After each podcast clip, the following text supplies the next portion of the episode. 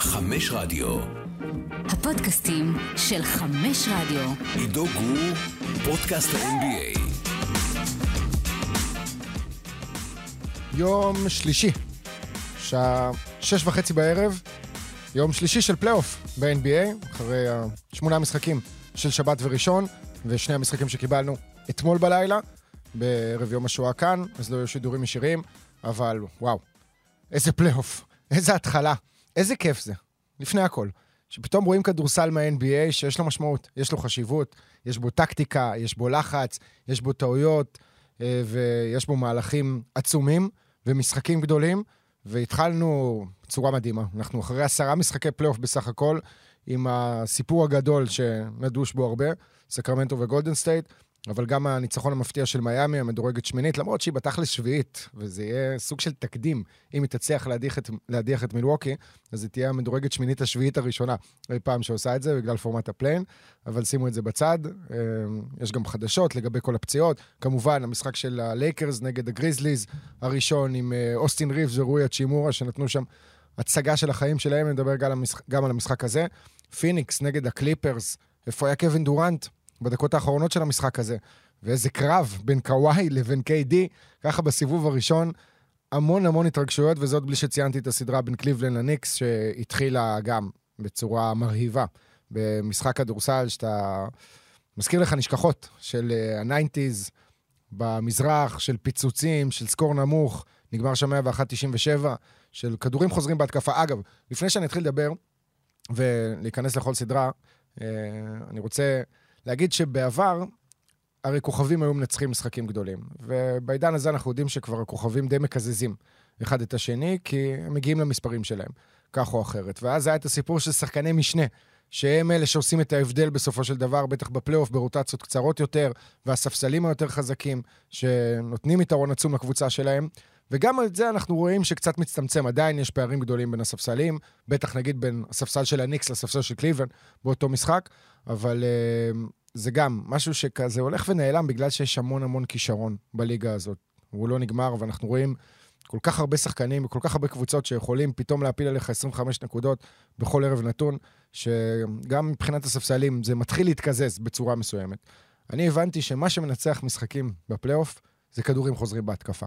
זה הדבר הכי חשוב, כשאתם מסתכלים על זה גם היסטורית, אם אתם חוזרים לסל המפורסם של ריי אלן בשלושה הזאת ששלחה את משחק מספר 6 בגמר של 2013 להערכה, מיאמי נגד סן אנטוניו, בהערכה מיאמי ניצחה, עשתה שוויון 3, ואז ניצחה את גיים 7 וזכתה באליפות שנייה אז של לברון ג'יימס, שלישית של וייד.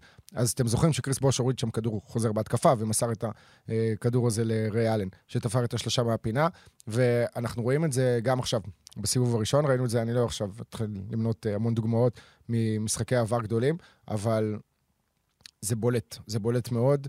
גם בסדרה, במשחק היחיד בינתיים, בסדרה בין קליבלן לניקס, גם במשחק היחיד בין פיניקס לקליפרס, מה שראסל ווסטבוק עשה שם, אנחנו נדבר גם עליו, אבל נתחיל עם הסדרה הכי מפתיעה אולי, סקרמנטו וגולדן סטייט, כולם ציפו שגולדן סטייט לא תתקשה יותר מדי, למרות שסקרמנטו הציגה את ההתקפה הטובה ביותר העונה, וההתקפה הטובה ביותר בהיסטוריה של ה-NBA, אם אתם מסתכלים על זה מבחינת offensive rating.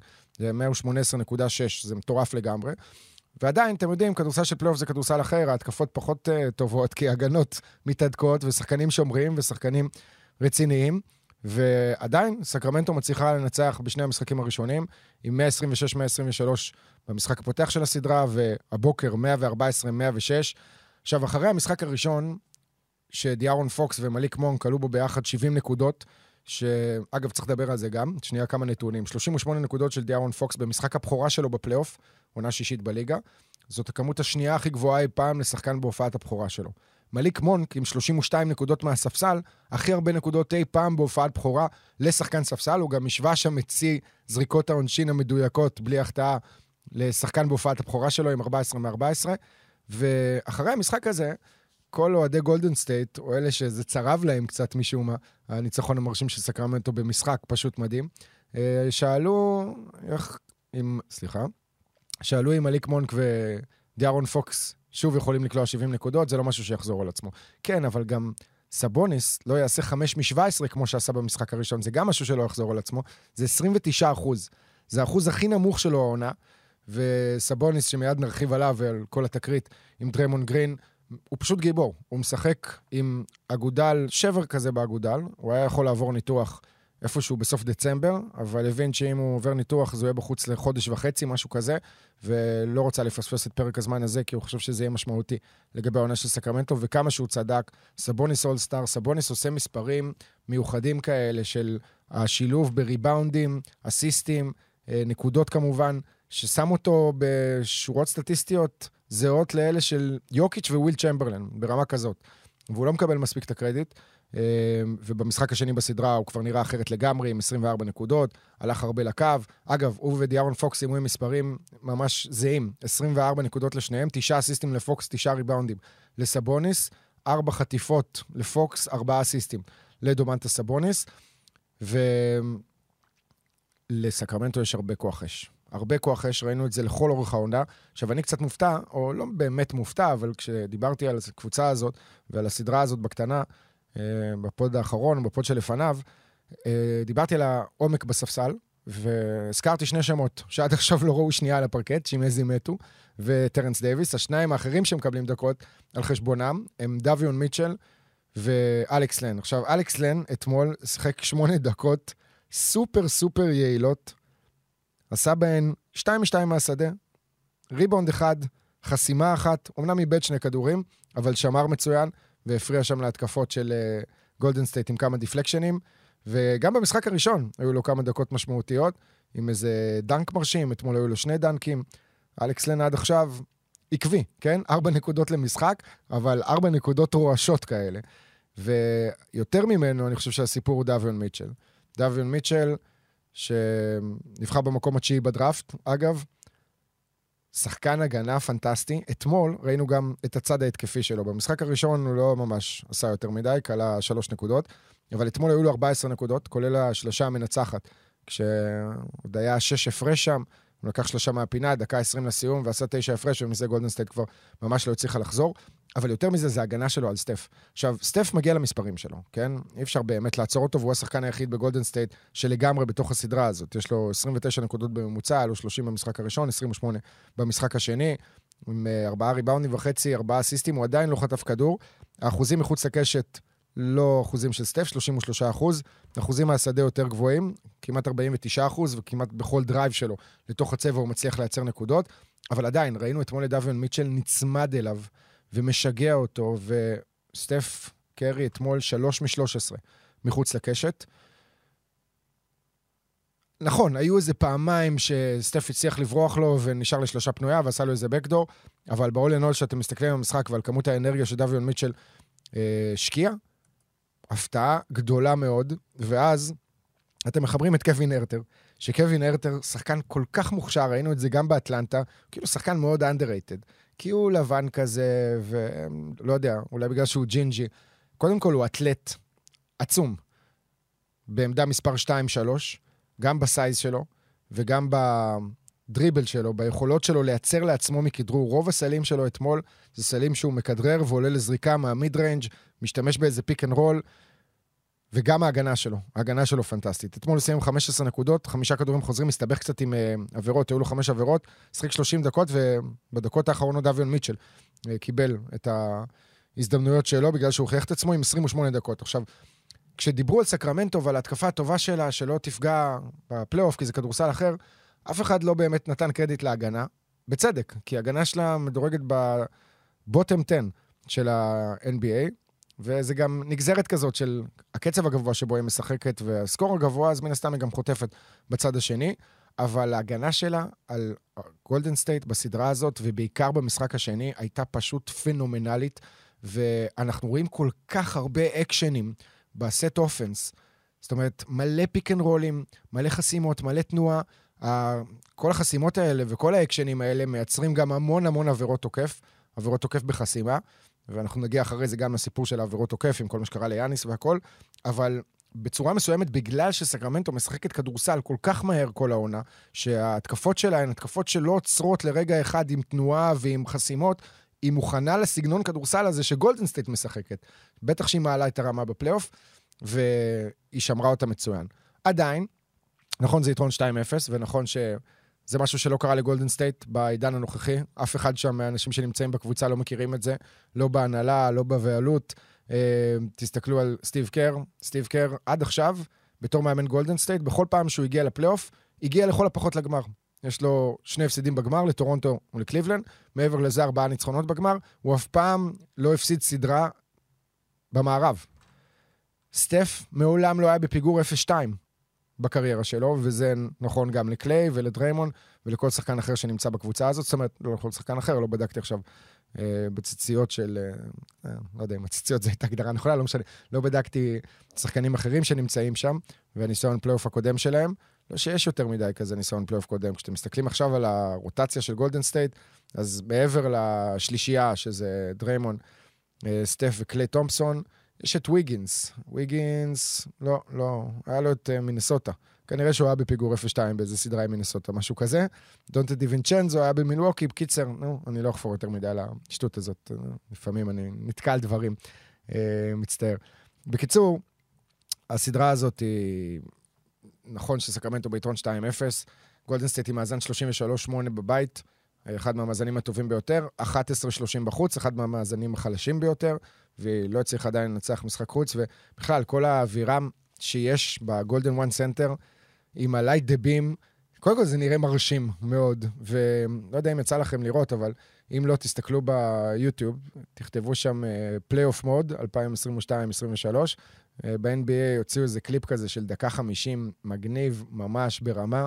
של uh, טריילר כאילו לפלייאוף, ויש שם איזה קטע שרואים את הקרן לייזר הסגולה של סקרמנטו מחוץ לגולדן וואן סנטר, ורואים אותה גם מהחלל, כאילו, קיצר, קטע מגניב, uh, אז תבדקו אותו. ואתם רואים שם, אני חייב להגיד, זה, זה מרגיש כאילו אתה רואה איזשהו פרק של ריק ומורטי, המשחקים האלה של סקרמנטו. קורים כל כך הרבה דברים קטנים. Uh, רגע, אני צריך, uh, אני לא מצונן הפעם, לא מקנח את האף, אבל שנייה, אני צריך להשתעל. רגע, סליחה. ככה זה כשמעשנים, אל תעשנו. אמ, תשמעו לי. בקיצור, זה נראה כמו פרק של ריק ומורטי, סוג של מציאות כזאת מקבילה, אה, הזויה, עם ויבק רנדיבה, הבעלים, שיושב שם לצד אה, פלויד מאני מייוודר, כן, סליחה על זה, גמגומים היום. ומי יודע שם אתמול? 50 סנט. ובמשחק הראשון ראינו את כל שחקני, שחקני סקרמנטו מהעבר, ופתאום ג'ייסון תומפסון, שמי חשב על זה בכלל? יש לו את הכי הרבה שחקנים, אה, משחקים בהיסטוריה של ה franchise. ג'ייסון תומפסון, כן? זה ששיחק עם אה, כספי, ובגלגול יותר מאוחר שלו הגיע גם לכדורסל האירופי והיה בפנרבכצ'ה, איזו תקופה מסוימת, עכשיו הוא כבר פרש. אה, כל האווירה, כל מה שקורה שם, הסיפור הזה של דיארון פוקס אתמול, עם סטף קרי שסחט איזושהי עבירה ונפל, ואז דיארון פוקס עשה איזה חיקוי אה, מביך כזה של התנועות גוף של סטף, שהוא כאילו מעמיד פנים, וסטף זרק עליו את הכדור, השופטים פספסו את זה איכשהו, אבל הם לא פספסו את הסיפור של מה שקרה אתמול, עם כל היכולת הטובה של סבוניס ודיארון פוקס, ששוב מוכיח איזה וובוס יש לו, לבן אדם הזה, באמת. כאילו, ככל שהרמה עולה ומתקרבים לרגעים המכריעים, הוא פשוט משחק יותר טוב. אתמול 11 מ-24 שלו הגיעו ברבע הרביעי, אה, והיו שם גם כמה אסיסטים. והוא שולט במשחק. שולט במשחק, ואנחנו לא מדברים מספיק על האיש הזה לכל אורך העונה, הוא פשוט עשה עונה מדהימה. וראינו את ההתפוצצויות שלו בליגה לפני כן, וכמובן שכולם אוכלים את הכובע על מה שקרה בשנה שעברה עם הטרייד של טייריס הליברטון. גם אני הייתי בטוח שהליברטון צריך להישאר בקבוצה הזאת, כי יש בו את המשהו המיוחד הזה, שיכול באמת להפוך אותו לאחד מהפוינט גארדים הגדולים בליגה, וזה לא שאין לו את זה. אם אה, ראיתם את העונה האחרונה של אינדיאנה ואיזה שחקן מדהים הוא. העניין הוא שגם לפוקס יש את זה כנראה. אחרי העונה הבאמת מדהימה שלו, שבה הוא הפך לאולסטאר, ואחרי שראינו את שני המשחקים הראשונים בסדרה, שני המשחקים הראשונים שלו בפלייאוף, בסך הכל בשנה השישית שלו, היכולת האתלטית שלו, אני רוצה לחזור איתכם למשחק הראשון בסדרה. היה שם איזשהו מהלך שהוא דפק crossover ברבע השלישי לדעתי, או הרביעי, והלך לדנק, הוא החטיא את הדנק. אבל אם הוא היה שם את זה, זה היה אחד הדנקים המרשימים והמטורפים שאני ראיתי, כי הוא קפץ שם כמו ב cartoons האלה, שכאילו הוא טס לשמיים כזה, כאילו... זה... לא יודע, חללית שממריאה, זה אפולו 13, ווטאבר. וחבל שזה לא נכנס. יש לו באמת יכולת אתלטית מטורפת, וכשאתם רואים את המבט שלו בעיניים, ואת השליטה שלו בקצב המשחק, ואת הקרוס אוברים, ואת היכולת ההגנתית גם, הוא, הוא מדהים. הוא מדהים, ונכון שהוא בשנה השישית שלו, ואני אשווה אותו עכשיו לשחקן שנמצא בשנה הרביעית שלו, זה לא פער כזה גדול בין שניהם מבחינת השנים, אבל דיארון פוקס, ג'ה מורנט, זאת אומרת, ג'ה מורנט מחשמל אותנו עם הדנקים המשוגעים שלו ועם הדרייבים שלו ועם היכולת שהייה באוויר שלו. לא שיש באמת דבר כזה, כי גובה הקפיצה הוא זמן שהייה באוויר, לא משנה מי אתה ולאיזה גובה אתה קופץ, כמובן באופן יחסי, אבל עדיין, הוא מוכיח את עצמו כווינר, והוא נתן עונה גדולה שלקחה את סקרמנטו למקום שלישי, וזאת קבוצה בלי ניסיון, זאת קבוצה חבוטה, בעיר שאין בה אף קבוצת ספורט אחרת משמעותית, לא בפוטבול, לא בבייסבול, לא בהוקי. 16 שנים, 17 שנים יותר נכון, מאז 2006 הם לא ראו פלייאוף, 16 עונות הם היו מחוץ לסיפור. הרצף הארוך ביותר בהיסטוריה של ה-NBA, ואיך הם קוראים לזה בערוץ המקומי שם של אה, סקרמנטו, ראיתי אתמול את השידור שם, אה, כתוב playoff baby run. זאת ריצת פלייאוף של תינוק. רק שהוא לא נראה כמו תינוק, הוא נראה כמו גבר, גבר עם המון המון ניסיון, וזה פשוט יפה לראות אותו מתפתח ככה. והשמיים הם הגבול, באמת, בסגנון כדורסל שסקרמנטו משחקת, עם העומק שלה, עם כמות השחקנים שיכולים להתפוצץ שם. זה בלי שציינתי את האריסון בארנס, שהיה מצוין בדקות האחרונות, ודפק איזה שני דאנקים, שהוא כנראה שחרר בהם את כל העצבים מהתקופה שלו בגולדן סטייט. יש משהו בקבוצה הזאת. יש משהו בקבוצה הזאת. אני אישית הימרתי ב bracket שלי שלא נחשף בשום מקום, חוץ מאיזו תגובה לציוץ של אה, סורוקה, כי דין כרמל, בחור חמוד שהיה באחד הטיולים גם השנה, אה, כתב לי איפה שלי, וזה פורסם בערוץ הספורט, ולא הספקתי להגיע לדדליין, אז כבר לא היה לי נעים לשלוח. אה, אז בהימור שלי הלכתי על סקרמנטו בשבעה משחקים. זה נראה עכשיו שיכולה לגמור את זה ב gentleman sweep. בטח עם דריימון גרין יורחק, אבל שנייה, מיד נגיע לזה. אני לא חושב שהוא יורחק. גולדן סטייט, כמו שאמרתי, קבוצת בית מצוינת והיא אלופה, ואני לא חושב שהיא בפחד מסוים, למרות שהיא בפיגור 0-2. אוקיי, אומרים לעצמם שם, הנה, יש לנו אתגר חדש, משהו שעוד לא נתקלנו בו, להוכיח לכולם עד כמה אנחנו קבוצה גדולה ועד כמה אנחנו קבוצה היסטורית, ואני לא חושב שהם מגיעים באיזה, לא יודע, חוסר ביטחון לשני המשחקים הבאים בסדרה. הסדרה הזאת יכולה ללכת בקלות לשבעה משחקים. סקרמנטו גם, אה, צריך לזכור אבל, עם מאזן חוץ הכי טוב במערב העונה, עם 26-15. וגם היא קבוצה שלא מפחדת, והיא הוכיחה את זה במהלך העונה, כמו שציינתי עם הנתון. אז uh, הכל יכול להיות. בסדרה הזאת ראינו שני משחקים מאוד מאוד צמודים, ועכשיו בואו נדבר על מה שהייתי אמור להתחיל איתו, כי זה הכותרות הגדולות וכל הסיפורים, ודריימון גרין ודומה סבוניס. אז קודם כל, דריימון גרין עשה משהו מכוער ומגעיל ומסוכן, ולא בפעם הראשונה בקריירה שלו, רק שבניגוד לבעיטות שהיו לו בכל מיני מפשעות אה, של שחקנים כאלה ואחרים, שגם זה מסוכן, כן? לא צריך לזלזל בזה. אני לא אשכח בחיים את המשחק הזה שמאנו ג'ינובילי קיבל איזה בעיטה או כדור, לא זוכר בדיוק מה זה היה שם בביצים.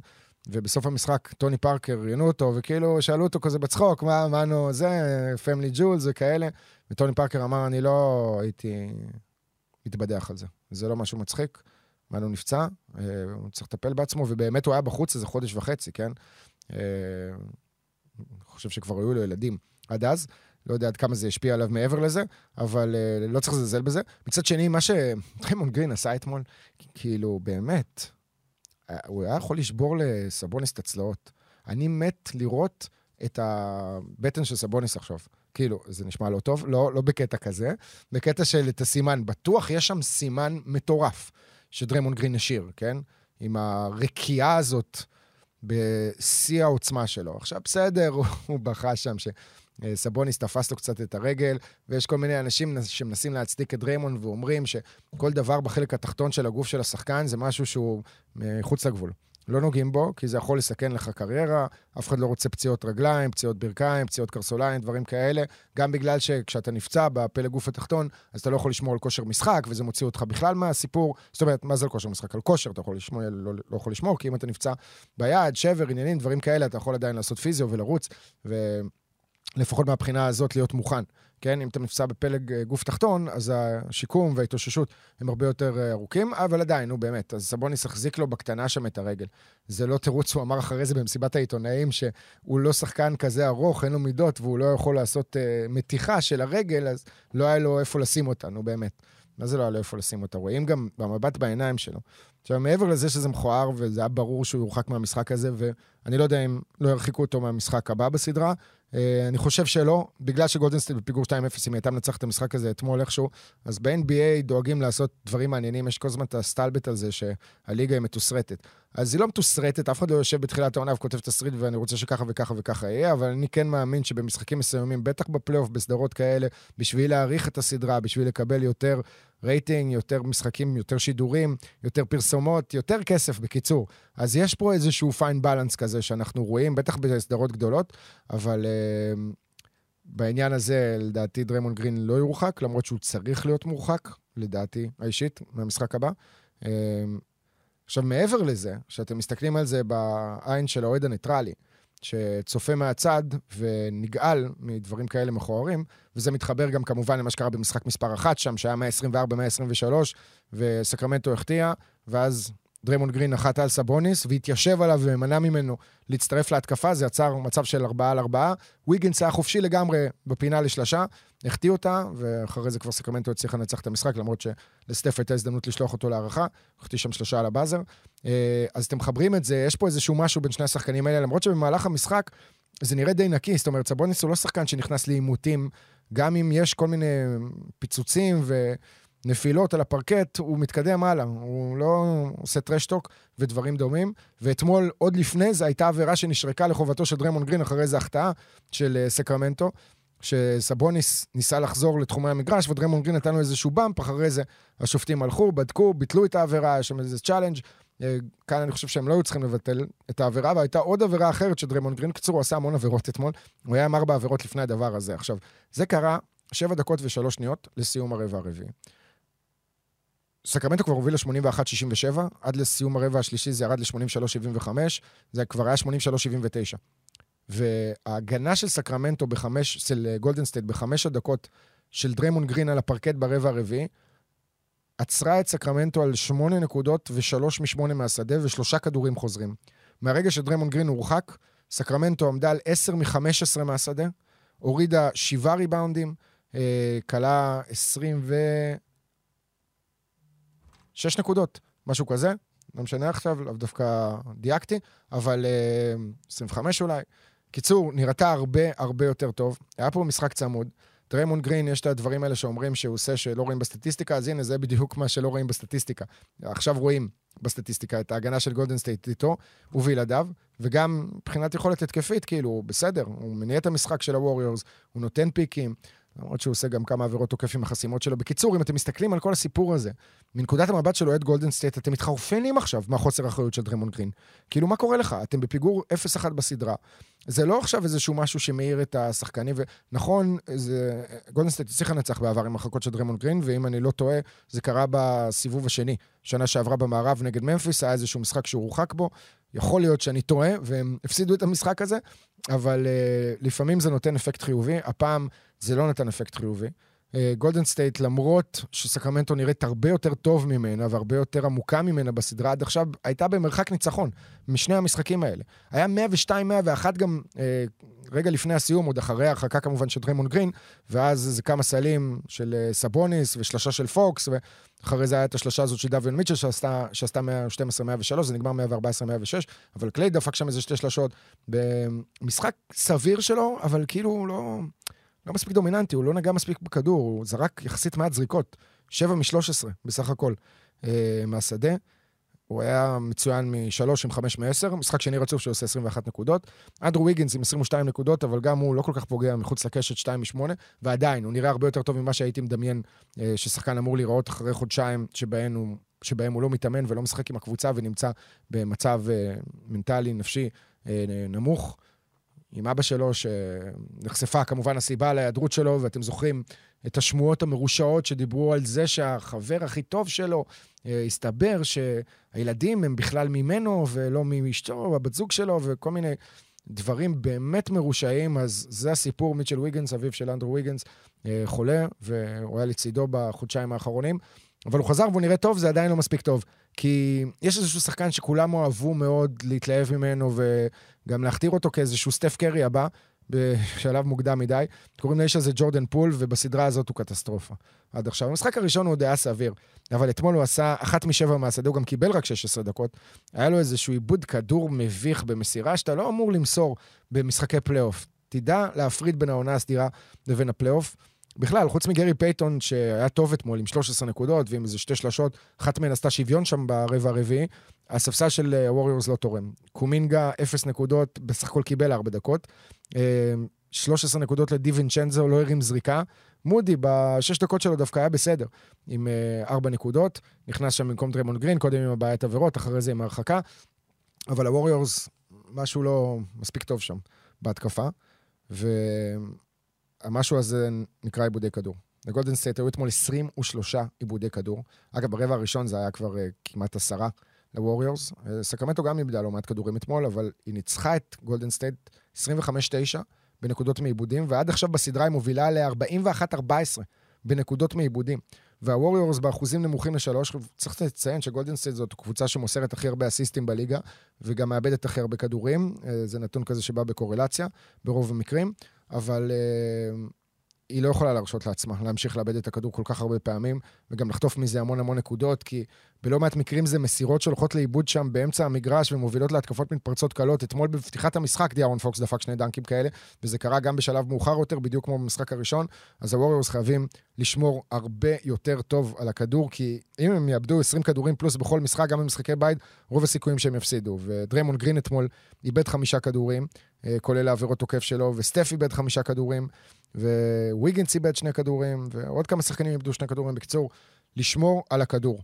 אה, בסדרה הספציפית הזאת, אני עדיין לא רואה את האפקט של הכדורים החוזרים בהתקפה, אגב, שדיברתי עליו קודם לכן. אה, פה אין לזה השפעה מהותית יותר מדי. אתמול זה היה 12-9 בכדורים חוזרים בהתקפה, ריבאונדים שוויון, 41 בסך הכל.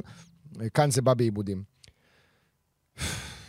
טוב, נתתי פה עכשיו איזו חפירה על השני משחקים של הסדרה הזאת, גם כי הם הכי מעניינים, וגם כי זאת הסדרה היחידה שקיבלנו בה שני משחקים עד עכשיו. אה, בואו נעבור רגע לקצת חדשות, לקראת המשחק השני של הסדרה של הלייקרס נגד הגריזליז. לג'ה מורנט אין שבר ביד, אבל הוא נמצא בספק רב למשחק השני בסדרה. ו... משהו בז'ה לא נראה אותו דבר מאז כל פרשת האקדח וה-11 משחקים שהוא היה בחוץ. סליחה, זה היה תשעה משחקים, ואז בעוד שניים הוא עולה מהספסל. אמ, הוא כאילו ראה, בפעם המי יודע כמה כבר בשנתיים האחרונות, שממפיס מצליחה גם בלעדיו, והיא טובה מאוד גם בלעדיו. ומי שמוביל את הסיפור הזה זה ג'ארן ג'קסון ג'וניור, שצריך להגיד לו מזל טוב, קיבל את תואר שחקן ההגנה של העונה. הפך לשחקן השני הכי צעיר שזוכה בתואר הזה אחרי דווייט האווארד, שעשה את זה בזמנו בעונה החמישית שלו בליגה גם. אה, ג'ארן ג'קסון בעונה החמישית שלו, כן, דראפט 2018, המפורסם והסופר איכותי. וראינו במשחק הראשון בסדרה איך הוא קלע 31 נקודות ואיך הוא היה מאוד מאוד אקטיבי. ראינו גם את טייוס ג'ונס מוביל את הליגה שנה חמישית ברציפות ביחס אסיסטים עיבודים, שזה שיא כל הזמנים לרצף של שנים, ששחקן עושה את זה. וגם הוא, בזמן שג'ה מורן בחוץ, משתדרג בצורה משמעותית, בטח בהתקפה. אמ, אני בבלקאוט. זה מה שקורה כשאתה מקליט פודקאסט לבד. כי בדיוק לחצתי פה על איזשהו משהו, רציתי להעביר לבוקסקור של המשחק הזה, והנה אני עכשיו בבוקסקור של המשחק הזה, אז אולי אה, זה יחזיר אותי לנקודה שהתחלתי איתה. כן, חזרתי אליה. ג'ה מורן שרואה שחקנים אחרים יותר טובים בזמן שהוא בחוץ, ורואה את זה קורה שוב ושוב ושוב, ובאיזשהו מקום, כאילו, לוקח צעד לאחור, אוקיי? הוא סיים את המשחק הראשון בסדרה עם 8 מ-14 מהשדה. היו לו 18 נקודות, חמישה ריבאונדים, סליחה, שישה ריבאונדים, שני אסיסטים, זה הכל, שתי חטיפות ושישה איבודי כדור, שתיים משלוש מחוץ לקשת. עכשיו, ג'ה מורנט זה שחקן שאמור לקחת לפחות 20 זריקות במשחק פלייאוף. לפחות. אם לא 25 זריקות. הכדור צריך להיות הרבה יותר ביד שלו, והוא צריך להיות הרבה יותר אגרסיבי, ויש שם משהו. עכשיו, תוסיפו לזה את העובדה שסטיבן אדמס בחוץ, והוא היה כוח משמעותי גם בכל מה שקשור לכדורים חוזרים ולהגנה. תוסיפו את ברנדון קלארק לסיפור הזה. מראש ממפיס נכנסה לסדרה הזאת בעמדת נחיתות, ואם אתם כאילו מחברים את זה לתחושה הזאת, שמאז שג'ה חזר, הוא לא באמת אותו שחקן, הוא לא ב... משחק ב-120 קמ"ש, כמו שהיינו רגילים לראות ממנו. הוא טיפה ליידבק, אז האווירה קצת מוזרה מסביב לממפיס, לממפיס שהתרגלנו לראות בשנים האחרונות, בטח בעונה שעברה שהיא סיימה במקום השני במערב והפסידה לגולדן סטייט בחצי גמר המערב, אפשר להגיד, הרבה בגלל הפציעה של ג'ה מורנט באותה סדרה, וגם בגלל שדילון ברוקס אה, היה קטסטרופה וממשיך להיות קטסטרופה, הוא זורק, זורק בלי סוף הבן אדם הזה. למה הוא ממשיך לזרוק? הוא 2 מ-9 מחוץ לקשת, עשה 5 מ-13 מהשדה בסך הכל, זה לא הרבה זריקות, אבל השלשות האלה, גם כשאתם מסתכלים על הפלוס מינוס, מינוס 18 בדקות של דילון ברוקס. למרות שהוא גם היה שם בסוף בריצה הזאת של הלייקרס, שסגרה את המשחק עם 15-0, אחרי שהיה נקודה הפרש 113-112. אז ממפיס נראית קצת אה, עייפה וקצת כבדה, ואם ג'ה לא ישחק במשחק השני, זה לא אומר שאנחנו ב-2-0. זה לדעתי אפילו אה, נותן סיכויים יותר גבוהים לממפיס לנצח את המשחק הזה, כי באמת רגילה כבר לשחק בלעדיו. ומצד שני, שוב, העומק שלה טיפה בעייתי. דיוויד רודי צריך לקבל לדעתי יותר דקות, שיחק רק תשע דקות, רוקי אמנם, אבל שחקן שהוכיח את עצמו. לוק קנארד צריך לקבל יותר זריקות.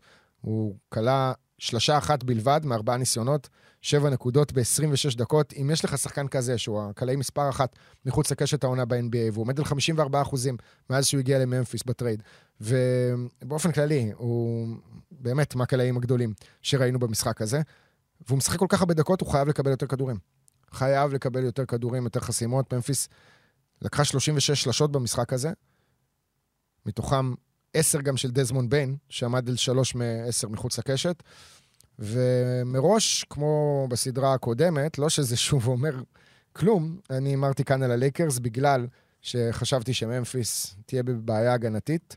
ובלי קשר לזה, אני חושב שכשאני מפרסם, אני לא חושב, כשאני מהמר, את ההימורים שלי אני לא מתייחס לפציעות אפשריות, אוקיי? אם הייתי מתייחס לפציעות אפשריות בחיים לא הייתי שם את פיניקס בגמר. כי קווין דורנט זה כזה שברירי שהוא יישאר בריא. על אחת כמה וכמה אנטוני דייוויס, שבמשחק הראשון כבר הספיק להיפצע, וכולם היו בטוחים שהוא גמר את הסדרה, אבל אז הוא חזר ישר לתחילת המחצית השנייה, הפציעה הייתה גם 40 שניות להפסקה, משהו כזה. אבל מעבר לזה, הלייקרס היו מרשימים מאוד בעומק שלהם, ובאמת צריך לפרגן לרוב פלינקה, שעשה שם עבודה מדהימה, מפתיעה. אני לא האמנתי שלייקרס בכלל יהיו רלוונטיים בשלב הזה. לא חשבתי שהם יכולים עם הכלים שיש להם לעשות הם, טריידים שישפרו את הקבוצה. כי מי ירצה את השחקנים האלה? מי ירצה את ראסל ווסטברוק? ומי באמת רוצה את פטריק בוורלי? אבל... אה, ומי רוצה את קנדריק נאן? אבל עובדה שיש מי שרוצה את קנדריק נאן. קוראים לו וושינגטון, מיד נגיע לזה ומיד נגיע לרוי. אבל הנה רוי, הוא בסיפור הזה שפלינקה הוסיף, ודיאנג'לו ראסל, ומליק ביזלי שעדיין לא הטביע חותם, בטח לא במשחק הראשון, שהוא לא שיחק הרבה דקות, אבל יהיה לו עוד את המשחק אחד בפלייאוף הזה שהוא יקלע בו שש שלשות או משהו כזה. וג'ארד ונדרבילט, שהוא אמנם לא שחקן התקפי גדול, אבל uh, הוא מדהים בהגנה, והוא גם לקח את ג'ה. הוא רצה לשמור את uh, השחקן הכי טוב של ממפיס, והוא עשה את זה בצורה טובה, זאת גם uh, חלק מהסיבה שג'ה uh, לא לקח הרבה זריקות. צריך לפרגן גם לג'ארד ונדרבילט על ההגנה שלו. עוד שחקנים שהגיעו בטרייד הזה, ציינתי את השמות המרכזיים, אבל לא דיברתי על השחקנים שהיו שם עוד לפני. וזה אחד, אוסטין ריבס. אימא'לה ואבאלה. 23 נקודות, 8 מ-13 מהשדה, 14 נקודות ברבע האחרון של המשחק הזה, כולל ריצת 7-0 שלו, שהתחילה את הריצת 15-0 ב-113-112, וכדורים, איזה אסיסט הוא דופק מאחורי הגב לשלשה של רוי הצ'ימור, היו לו ארבעה אסיסטים. אמ, הוא צעק שם על עצמו, I'm im, אני הוא, כן, כן. אתה לגמרי הוא, ואנחנו רואים את זה לכל אורך העונה, בשנה השנייה שלו בליגה בסך הכל, שחקן שלא נבחר בדראפט, שחקן שכינו אותו בשם אילבילי קובי בזמנו, כי הוא בא ממקום כזה כפרי, אה, עם חוות ועניינים, ומשחק על אה, קרשים של פעם, אתם יודעים, שתלויים כזה על ה... כניסה ל... ל... ל... איך קוראים לזה, נו? למחסן הזה של הזה, יש לו שם, ברח לי השם שלו. הוא היה מדהים, הוא באמת היה מדהים, וזאת הפעם הראשונה בקריירה שלו, שהוא קולע 14 נקודות ברבע אחד, כן? וזה המשחק ה-125 שלו, או משהו כזה. אבל מי שגם היה מדהים, יחד איתו, והוביל את רשימת הקלעים של הלייקרס, הוא רוי הצ'ימורה עם 29 נקודות, 11 מ-14 מהשדה, 5 מ-6 ל-3, 5 שלשות זה שיא קריירה של הצ'ימורה. וארבע מהן הגיעו ברבע השלישי, שבו ממפיס התחילה טוב והייתה ביתרון. במחצית, ממפיס הובילה שש, אחרי רבע שני. הרבע הראשון היה הרבע של הלייקרס, הם כבר הובילו 30-20, אבל הוא הסתיים רק בחמש הפרש, ואז ברבע השני ממפיס עשתה 38 נקודות על 27, התחילה טוב גם יותר את השלישי, כי הלייקרס לא פגעו בשום דבר בזריקות שלהם מחוץ לקשת. הם היו בשלב מסוים על 5 מ-20, והם סיימו את המשחק עם 16 מ-37.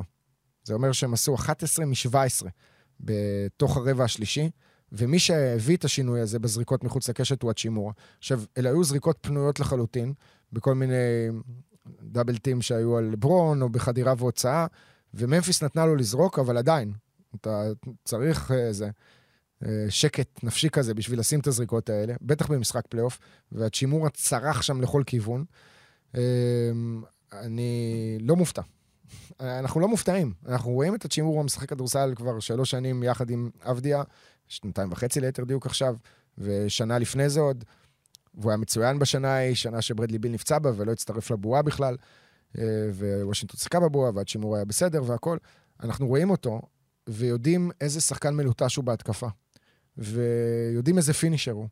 והוא פשוט היה צריך להיות במקום שבו יש הרבה כוח אש מסביבו ושחקנים שמתרכזים בהם, וזה מבליט את היכולות ההתקפיות שלו.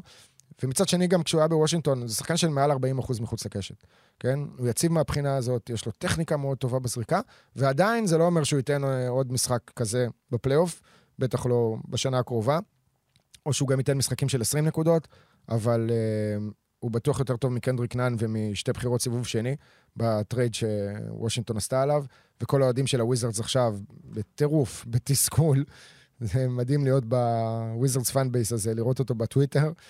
הם מוציאים עכשיו את כל העצבים שלהם על זה ש... אה, יש לנו את קנדריק נאן, מה, סבבה, בטח נתנו את הצ'ימורה. הבעיה פה זה לא היה הצ'ימורה, ואני דיברתי על זה כמה וכמה פעמים, אני תמיד חשבתי ש... מה זה תמיד? בשנה וחצי, שנתיים האחרונות, שהצ'ימורה צריך להישאר בקבוצה ושהוא שחקן מוכשר.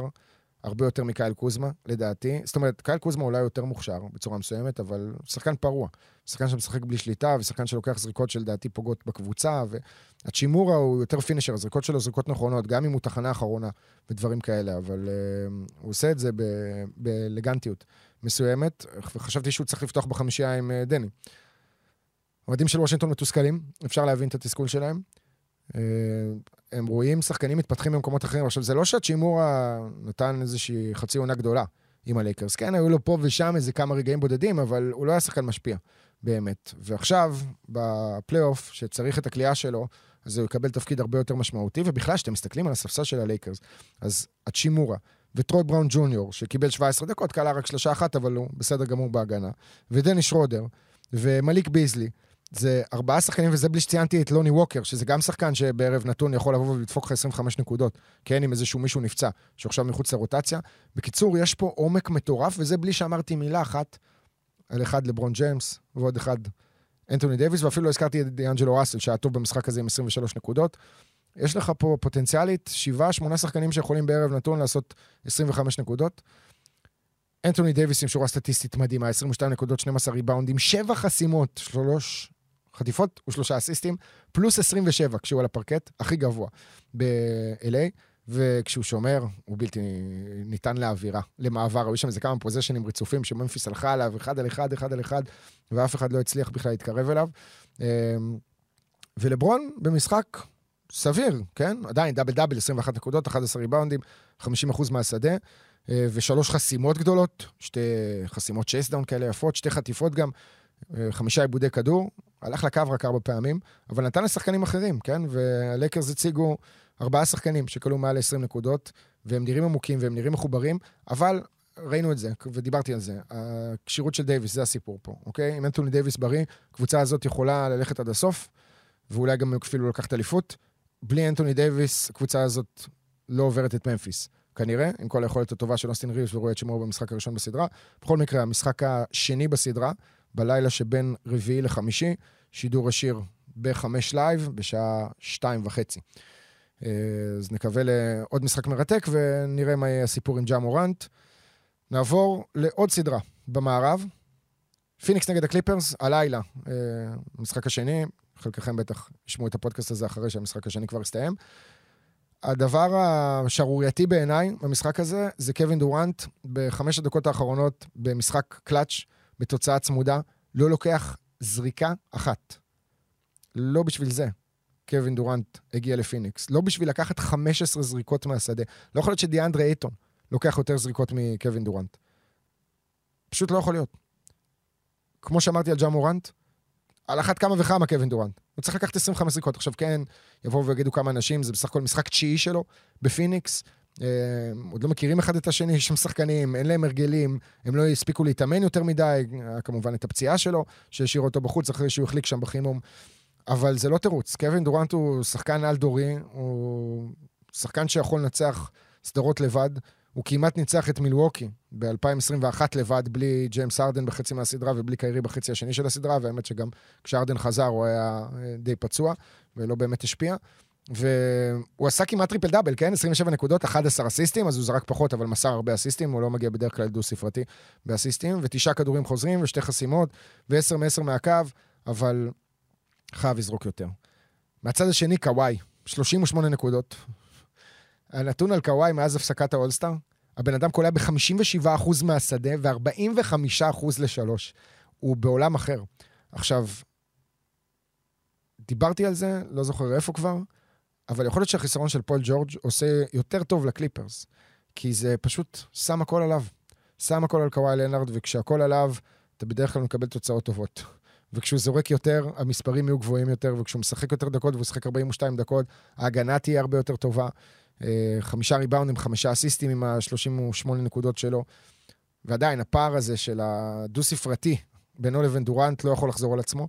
והכיף הכי גדול בסדרה הזאת, ואמרתי את זה בתחילת הדרך של הפודקאסט, קוואי ו-KD. שומרים אחד על השני. כמעט כל הרבע הרביעי, כמעט בכל התקפה. זה היה פשוט מדהים לראות. אמ, אני לא חושב שקיבלנו כזה רבע שלם של שני כוכבים כל כך גדולים, כל כך מוכרחים, שניהם עם אליפויות, שניהם עם שני Finals uh, MVP, הולכים אד טו אד בהגנה, בהתקפה. Uh, באמת, כן ירבו כאלה משחקים. גם לראסל ווסטברוק. ראסל ווסטברוק, כמו שרוב פרז צייץ, עשה שלוש מ-19 מהשדה, ורוב פרז World Wide Wob כתב, זה כנראה המשחק שלוש מ-19 הכי טוב בהיסטוריה.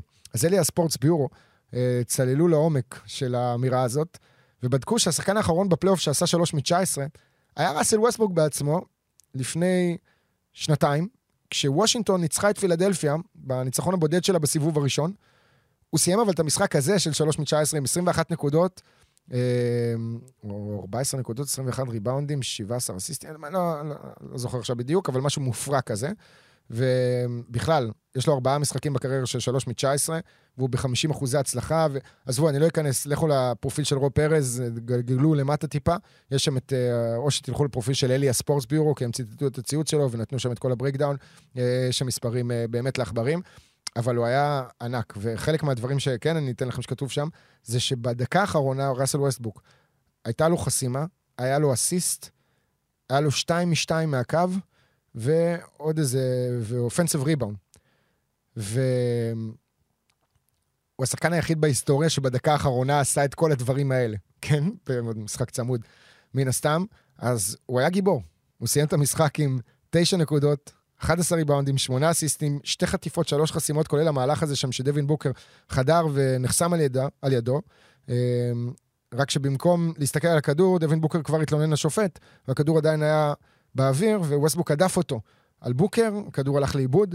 הקליפרס אחרי זה ניצחו את המשחק, נחזור על זה שוב, קווין דורנט לא זרק בכלל בדקות האחרונות, אבל מעבר לקוואי ומעבר לראסל ווסטבוק, שנתן משחק הקרבה, שלמרות שהוא לא קולע ולא פוגע, אי אפשר שלא להתחבר לגרסה הזאת שלו בקליפרס. אה, ואריק גורדון שעשה 19 נקודות, ש... אתם יודעים, אפרופו פיניקס, שלא שיחקה יותר מדי ביחד עם קווין דורנט, כמה דקות משותפות יש לקוואי, ווסטברוק ולאריק גורדון, כן? קוואי שחצי עונה היה in and out, וווסטברוק וגורדון שהצטרפו רק אחרי הדדליין. אה, זובץ, 12 נקודות, 15 כדורים חוזרים. עכשיו, במשחק הזה, הריבאונדים בהתקפה, זה מה שניצח אותו. היו 15 כאלה לקליפרס, שישה בסך הכל לפיניקס. דיברנו על הכדור חוזר בהתקפה משמעותי מאוד של ווסטבוק בדקה האחרונה, ודיאנדרה אייטון מסיים את המשחק עם 18 נקודות ושמונה ריבאונדים. הוא חייב להרים רמה ולהתעלות למעמד, כי יש מולו את זובאץ, וזובאץ זה לא פראייר, אוקיי? הוא אוכל מסמרים, האיש הזה, הקרואטי הזה, וגם כשזובאץ יורד לספסל, עולה מייסון פלאמלי לאיזה 18 דקות, לתת. פיצוצים, הוריד 11 ריבאונדים בעצמו, שלושה מהם בהתקפה, עם שבע נקודות, עשה ארבע עבירות, הקריב קצת. אה... קיצור, הקליפרס עמוקים למרות שפול ג'ורג' בחוץ, ועדיין, למרות החיסרון של פיניקס בקטע הזה של הספסל, שממש ממש לא קיים, ולראיה, עשר נקודות מהספסל, לנדרי שמט קיבל 24 דקות, שמונה דקות לג'וק לנדל, שבע לאיש ויינרייט, שבע בלבד לג'וש אוקוגי, שלדעתי צריך לשחק הרבה יותר, ועוד ארבע דקות לטרנס רוס. אמ, קווין דורנט שיחק 45 דקות. דווין בוקר שיחק 43 דקות, זה יותר מדי דקות. בטח במשחק מספר אחת בסדרה. קריס פול לא יכול להיות שהוא קולע רק שני סלים במשחק פלייאוף שיש לך את דורנט ואת בוקר, הולכים עליהם, שומרים עליהם, יש עליהם double team, זה משאיר אותך לבד, צריך לקבל החלטות יותר טובות, להיות יותר אסרטיבי לכיוון הסל. כן, היו לו 11 ריבאונדים ועשרה אסיסטים, ועם עוד שלושה הוא גם היה עושה triple double, אבל uh, הוא חייב להיות יותר התקפי ויותר אסרטיבי, ואם פיניקס איכשהו תפסיד את המשחק השני בסדרה בבית ותגיע לקריפטו מפיגור 0-2 עם עוד שני משחקים, אז מן הסתם הסיכוי שלה לחזור הוא כמעט לא קיים, ואם כבר סיכוי לא קיים, אז את משחק מספר 2 הלילה ישפוט סקוט פוסטר. לקריס פול אין עדיין ניצחון, אם אני לא טועה, או שאולי היה לו בשלב יותר מוקדם של הקריירה, אבל מה שבטוח זה, יש לו רצף של 14 הפסדים בפלייאוף במשחקים של סקוט פוסטר שופט בהם, אז שיהיה לו בהצלחה עם הסיפור הזה. Um, לא נדבר יותר מדי על הסדרה בין דנבר למינסוטה, היה שם משחק אחד והוא היה blowout, ודנבר נראתה כמו קבוצה מפחידה. אה, אנטוני אדוארדס הלך לאיבוד, נעלם לנו איפשהו ברגעי ההכרעה של העונה הזאת, גם במשחק play-in האחרון שמינסוטה ניצחה נגד ניו אורלינס, למרות שהוא היה שם טוב בהגנה, וגם במשחק play-in הקודם נגד הלייקרס. אה, לא, לא תואם את היכולת שלו בעונה הסדירה, אבל אה, יש לו עוד צ'אנס לשנות את זה. נעבור למזרח, שם יש לנו שתי סדרות מעניינות כרגע, כי ברוקלין אה, לא מהווה יריב באמת לפילדלפיה, שנמצאת ביתרון 2-0, ובוסטון פירקה את אטלנטה במשחק הראשון בסדרה. יכול להיות שהלילה המשחק השני יהיה קצת יותר צמוד, אבל אני עדיין לא רואה שם איזשהו fight אמיתי מאטלנטה, שבהתחלה חשבתי שהיא באה באנרגיות טובות ועם כושר כזה של play-in, וניצחון חוץ במיאמי מרשים מאוד. אז היא תיתן קצת יותר מאבק, ואולי אפילו תנצח איזה שני משחקים בסדרה, לא שהיא לא יכולה לעשות את זה, אבל בוסטון נראית ממוקדת מטרה, היא באה לפרק, היא לא באה להתעסק עכשיו במשחקים שהולכים צמוד וזה, היא רוצה לגמור כל משחק במחצית, ו-30 הפרש זה שהיה לה, 74-44, במשחק הראשון זה שווה להפרש השיא שהיה לה אה, בסדרה נגד הלייקרס ב-1985 בגמר, במשחק אה, סופר מפורסם. אה, אז אה, זה לא פחות רלוונטי כרגע, הסדרות האלה. מה שכן רלוונטי זה הסדרה בין קליבלן לניקס. אה, ג'וש ארט בסימן שאלה למשחק השני היום בלילה. אה, עם איזה נקע בקרסול, שלא ראינו במשחק הראשון, או שבעצם כן ראינו, סליחה, כמובן, הייתה את הפציעה שלו, הוא שרד אותה והמשיך לשחק למרות הפציעה, ואפילו קלע את הסל הכי חשוב במשחק עם הופעת בכורה בפלייאוף של 17 נקודות ועשרה ריבאונדים. אגב, יש את פוקס ואת אה, מונק ששיחקו ביחד בקנטקי, ויש כמובן את הקטע המפורסם של פוקס מחובק עם באם אדבאיו, בוכה אחרי איזה הפסד אה, בטורניר NCAA. אז אה, על אותו משקל יש גם את ג'וש הארט ואת ברנסון ששיחקו ביחד בווילנובה ולקחו אליפות, הם היו ביחד שנתיים בקבוצה, ג'לן ברנסון לקח שתי אליפויות, ג'וש הארט רק את האליפות הראשונה שם, והם שניהם שחקנים של טיבס כאלה, אוקיי? ולא רק הם שחקנים של טיבס, גם ג'וליאס רנדל בצורה מסוימת הוא שחקן של טיבס, בטח ובטח אה, מיטשל רובינסון, שהמהות היחידה שלו במשחק זה לקחת כדורים חוזרים בהתקפה. אפרופו כדורים חוזרים בהתקפה, 17 כאלה לניקס, לעומת 11 של קליבלנד. הקו הקדמי של ניו יורק נתן נוקאוט בצורה מסוימת לקו הקדמי של קליבלנד, שלא אמור להיות את היתרון האיכותי עם אוון מובלי וג'ארט אלן, בגלל שמיטשל רובינסון הוא, הוא מטה את המטוטלת, כן? בוא נגיד שג'וליאס רנדל כרגע הוא השחקן הבכיר מבין הארבעה האלה, אבל מיטשל רובינסון הרבה פחות טוב, בטח בכל מה שקשור ליכולת ההתקפית שלו. מצד שני הוא הריבאונדר התקפה המוביל בליגה. ובמשחק הזה היו לו חמישה כדורים חוזרים בהתקפה, שזה שווה פחות או יותר לממוצע שלו. וג'וליאס רנדל עם שני כדורים חוזרים בהתקפה מתוך העשרה שלו, הוריד את הריבאונד הכי חשוב, אחרי איזו החטאה של ברנסון שם בשתיים הפרש. הוא סיים עם 19 נקודות ועשרה ריבאונדים, 16 מהנקודות במחצית הראשונה. ברנסון, 21 מהנקודות מתוך 27 שלו במחצית השנייה, אחרי שהסתבך קצת בבעיית עבירות. בחצי הראשון, אמ, ארג'י בארט, קטסטרופה 2 מ-12 מהשדה. ממשיך להיות שחקן שעושה בעיקר נזק. אני חושב שאם היו מוציאים אותו מהרוטציה זה היה עושה יותר טוב לניקס, למרות שהם ניצחו את המשחק הזה, אז אין להם על מה להתלונן. יש להם את הארט connection. אה, זה גם ג'וש הארט וגם אייזיה הארטנשטיין, שנותן דקות משמעותיות מהספסל. אה, שחקן שלא פספס משחק העונה. שמונה נקודות שלו, חמישה כדורים חוזרים, 22 דקות, תוסיפו את אובי טופין שברבע השלישי אה, קלע שבע מתוך התשע שלו במשחק, והספסל של הניקס עושה את העבודה עם 37 נקודות נגד ספסל לא קיים של קליבלנד. עם... אה, מה זה היה? 14 נקודות, מתוכן תשע של צ'די אוסמן. דין וייד שיחק 7 דקות, לא עשה כלום. ריקי רוביו שיחק 5-6 דקות, לא היה בעניינים. קאריס לברט 18 דקות, רק 3 נקודות באחת משבע מהשדה. גם כאן, אה, קליבלנד מסתמכת הרבה על דונובן מיטשל ודריוס גרלנד. ג'ארט אלן, כל השלושה האלה משחקים 43 דקות וצפונה. ומיטשל קלע הכי הרבה נקודות לשחקן בהופעת הבכורה שלו בפלייאוף. אה, זאת אומרת, לא לשחקן, זה לא הופעת בכורה, של שחקן בהופעת הבכורה שלו בקליבלנד, ב franchise הזה. ויש לו 20 מתוך 40 משחקי פלייאוף שלו של 30 נקודות פלוס, הוא קלעי scorer מטורף במעמדים האלה, וזה גם העונה השישית שלו בליגה, כמו ג'ייסון טייטום. כן, השניים האלה, מהרגע שנכנסו ל-NBA לא פספסו פלייאוף אחד. אה, טייטום פשוט שיחק הרבה יותר משחקים, כי הקבוצה שלו הגיעה לגמר NBA, והגיעה פעמיים לגמר מזרח. מיטשל אה, אף פעם לא עבר את הסיבוב השני בפלייאוף עד עכשיו, אבל אם אני זוכר נכון, גם לא הפסיד הרבה פעמים בסיבוב הראשון, למרות שהיה את ההפסד שנה שעברה נגד דאלאס.